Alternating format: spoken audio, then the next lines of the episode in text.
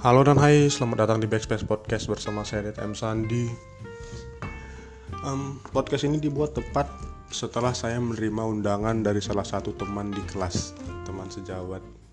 Undangan pernikahan? Ya, namanya Rizky. Kami biasa manggil Rizky Aceh. Selamat Rizky, sekarang kemprutnya halalan toyibah. Sebenarnya kalau diceritakan tentang teman saya Rizky ini, dia punya cara hidup yang cukup unik. Jadi misuh. Jadi gosip tentang si Rizky. Em, tapi nggak apalah karena tema kita malam ini adalah anak setan. Topiknya anak setan. Ntar ngerokok dulu.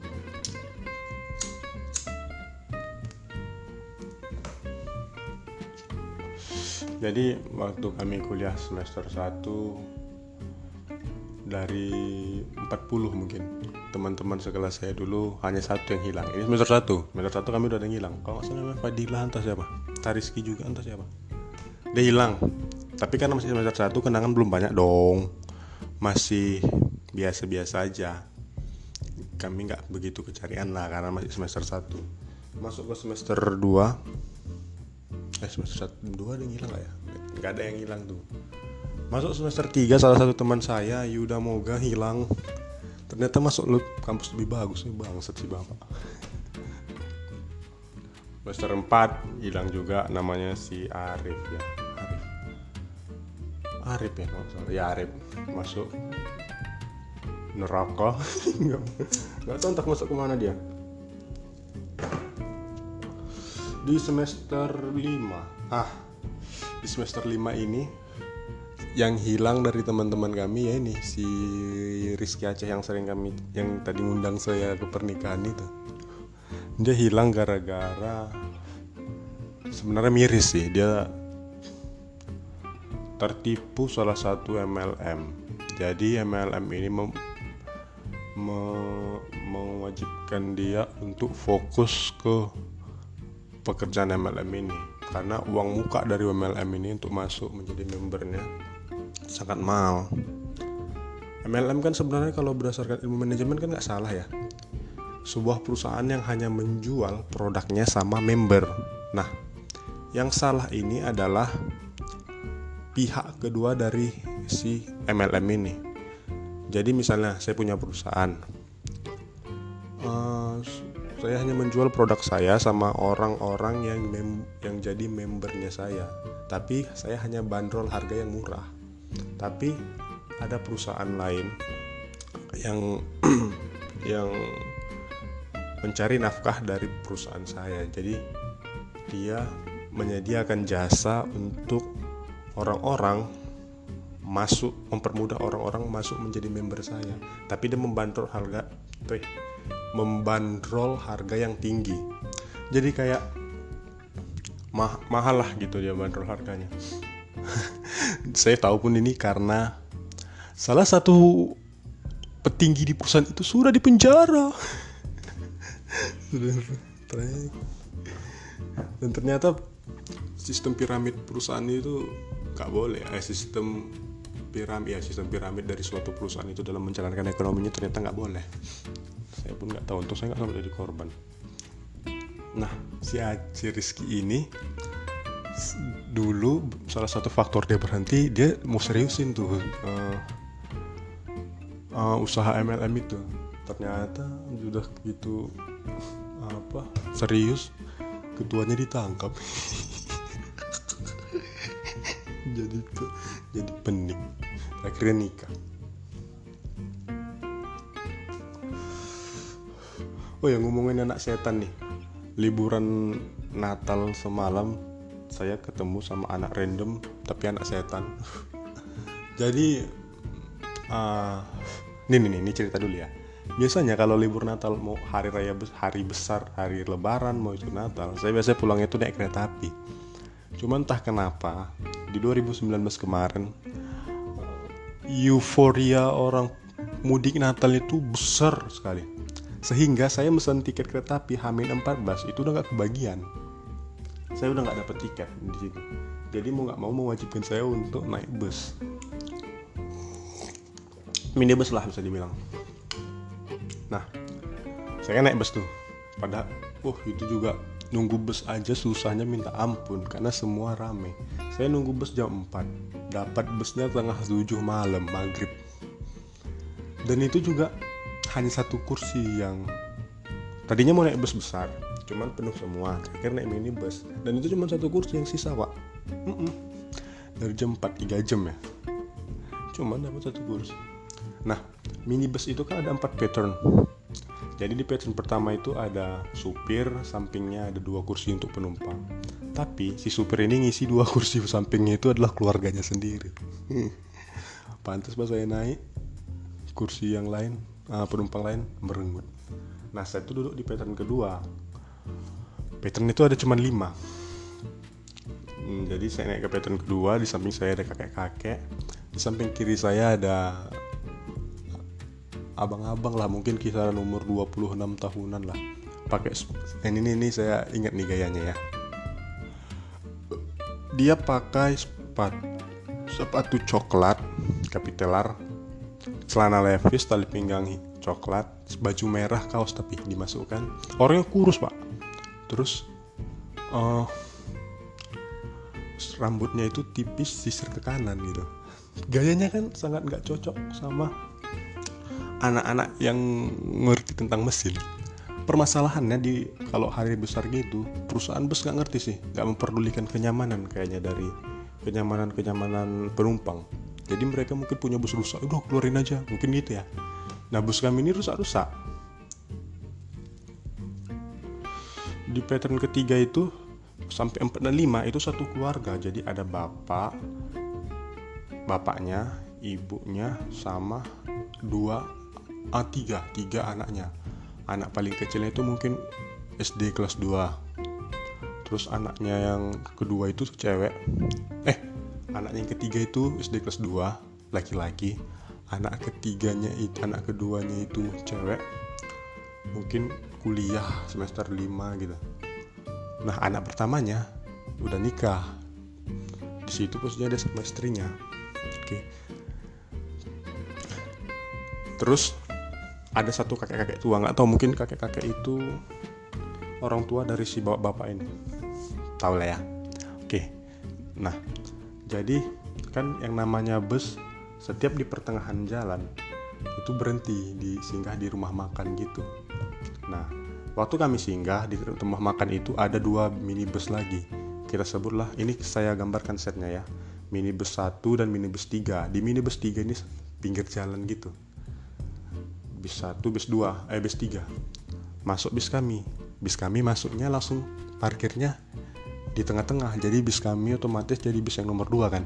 Jadi bis 1, bis 2 bis kami, bis 3 jalan.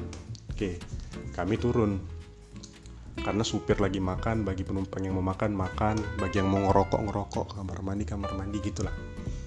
Nah si kakek di lima menit kan supir masih makan nih. Mungkin si kakek-kakek yang tadi ku ceritakan dia mau kamar mandi bentar mau kencing. Jadi dia turun ke kamar mandi. Aku ini di belakang bus nih. Ah di belakang bus ada kayak kursi panjang gitu di situ sambil ngerokok. Ngerokok sambil minum kopi saset gitu lah setelah siap kencing si kakek-kakek ini datang. Kayaknya udah tua gitu kayak kayaknya udah umur 85, 85 tahun gitu udah capek sama peraturan di dunia ini jadi dia mau hidup semena-mena. Dia datang titit titit masuk ke bus nomor satu. Orang yang di bus nomor satu panik dong. Wah ini siapa ini kakek? Ini siapa ini kakek? Salah masuk bus. Terakhir si supir yang di bis satu ini sopan lah kakek ini bukan bus kakek. Kami nggak kenal sama kakek. Diturunkan dengan hormat. Jadi si kakek turun cek cek cek cek cek pindah ke bus nomor tiga bus kami dilangkahi anjir naiknya ke bus tiga. Langsung bus ke nomor tiga. Sementara bus kami kan dari nomor dua. Nah naik yang bus nomor tiga panik lagi. Oh ini kakek siapa ini? Kakek siapa? Goblok by the way ini kisah nyata ya? Terus datang yang nomor di orang-orang di bus nomor tiga ini. Bus nomor tiga ini masih baik juga kan? Kakeknya diturunin dengan pelan-pelan maaf kayak ini bukan bus kakek. Oh iya maaf ya kata si kakek. Kakek ini turun cukup cukup cukup cukup naik ke bus satu lagi. Ke bus nomor satu bukan bus nomor dua. Kenapa? Dia melangkahi bus kami gitu. Naiknya ke bus nomor satu. Terakhir mungkin cucunya atau siapa sadar yang ada di bus kami ini bus nomor dua sadar. Kakeknya dari tadi kecarian bus jadi si kakek diarahin. Ini kayak bus kita naik bus nomor dua. Udah naik ke bus nomor dua terus dia nanya sama yang ngarahin. Padahal yang ngarahin cucunya. Kamu siapa? Sakit banget lucu kali bangsat pikun. Nah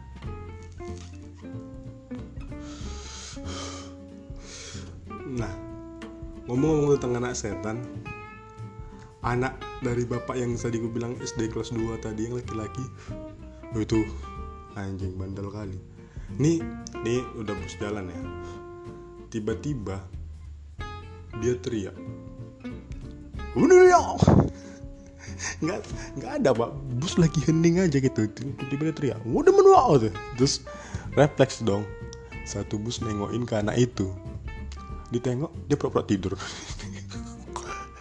Absurd absurd kali anaknya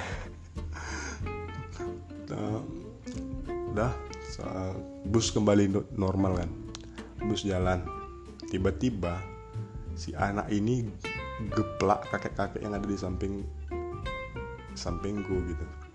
Kan kakek-kakek ada dua nih di bus. Satu ayah dari si bapak-bapak yang di belakangnya satu keluarga satu lagi di sampingku. Tiba-tiba nih anak wih itu kurang ajar sih. Makanya dibilang anak setan nih kalau gue bilang. Ini geplak gitu pak. Tepak. Kakek-kakek itu langsung tuh anjing ya datang si bapak marah tapi si anak ini bangsat. Bapaknya marah. Eh nak jangan gitu. Dan respon anaknya tahu jadi bapaknya eh kamu jangan kita buatlah namanya semewo ya. Semewo kamu. Semewo anjing. Semewo kamu jangan gitu. Respon anaknya. Terus dimarahin bapak. Iya kamu nggak boleh. Bangsat anaknya. Eh kau melawan bapak kau ya. Datang mamanya semewo cak. Ngeselin kali kau kupi cak ngeselin anak dan terakhir anak pokoknya apa yang dibilang bapaknya anaknya responnya kayak gitu. Semewo jalan datang si bapak yang digeplak kan? Kakek-kakek yang digeplaknya ini kamu tidak bak nengok adiknya gitu kakaknya marah juga lah kau ini udah ngeselin kali mah ngeselin kali tapi oh ya aku tapi lucu sih. Lucu kali anak itu. Anak setan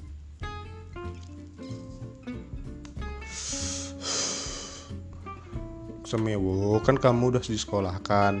Kita juga tiap hari ke gereja. Kamu nanya ngeselin gue ya aduh, aduh. nah untuk semua anak setan di, di luar sana. Aduh. Oh ya by the way terima kasih untuk semua respon positif dari pendengar podcast saya seneng sekali. Memang ada beberapa respon dari teman sendiri. Misalnya dia lagi kerja. Oh ya maaf ya tadi terpotong. Terima kasih untuk respon positif yang udah kalian berikan ke podcast ini. Misalnya ada teman lagi kerja terus sambil ngetik-ngetik gitu dia dengerin podcast dia foto. Terus ada teman saya juga lagi pagi-pagi sambil ngopi dengerin podcast saya terima kasih untuk respon positifnya. Um, respon positif kalian membuat saya jadi ingin um, ingin buat podcast terus-terusan. Terima kasih. Karena memang dari awal sih uh, saya ingin buat podcast ini adalah membuat kolam taiknya saya sendiri. Jadi misalnya untuk siapa pun kalian di luar sana anak introvert yang terjebak di tongkrongan anak ekstrovert merasa capek dengan circle-nya. Jadi dia bisa sambil pakai handset dengerin podcast saya gitu. Untuk menemani kalian yang lagi sepi sendirian seperti itu. Senang sih responnya bagus sih. Hmm. apa ya? Saya sebenarnya nggak terlalu peduli dengan kan kami kalau buat podcast ini di Spotify ada grafik sama kayak ke blog. Ada grafik dari pendengar. Sebenarnya saya ter, tidak uh, tidak peduli dengan grafik dari si podcast ini. Yang penting apa yang saya bicarakan sampai ke kalian. Senang rasanya diapresiasi lebih karena menurut saya nggak ada seni yang nggak ingin dirayakan. Semua seni ingin diapresiasi apa pun secara sadar nggak sadar. Jadi terima kasih untuk kalian yang udah jadi terima kasih untuk kalian yang udah mengapresiasi podcast ini. Tetap temani saya tumbuh dan kembang. Karena ini salah satu uh, apa ya? Alah lupa namanya. Kayak resolusi. Resolusi saya di tahun 2020 adalah bikin podcast. Ya senanglah rasanya tetap temani saya tumbuh dan kembang di podcast ini gimana saya pokoknya berkembang lah. Ngomong apa sih? Ya semuanya terima kasih telah menonton podcast ini dan thank you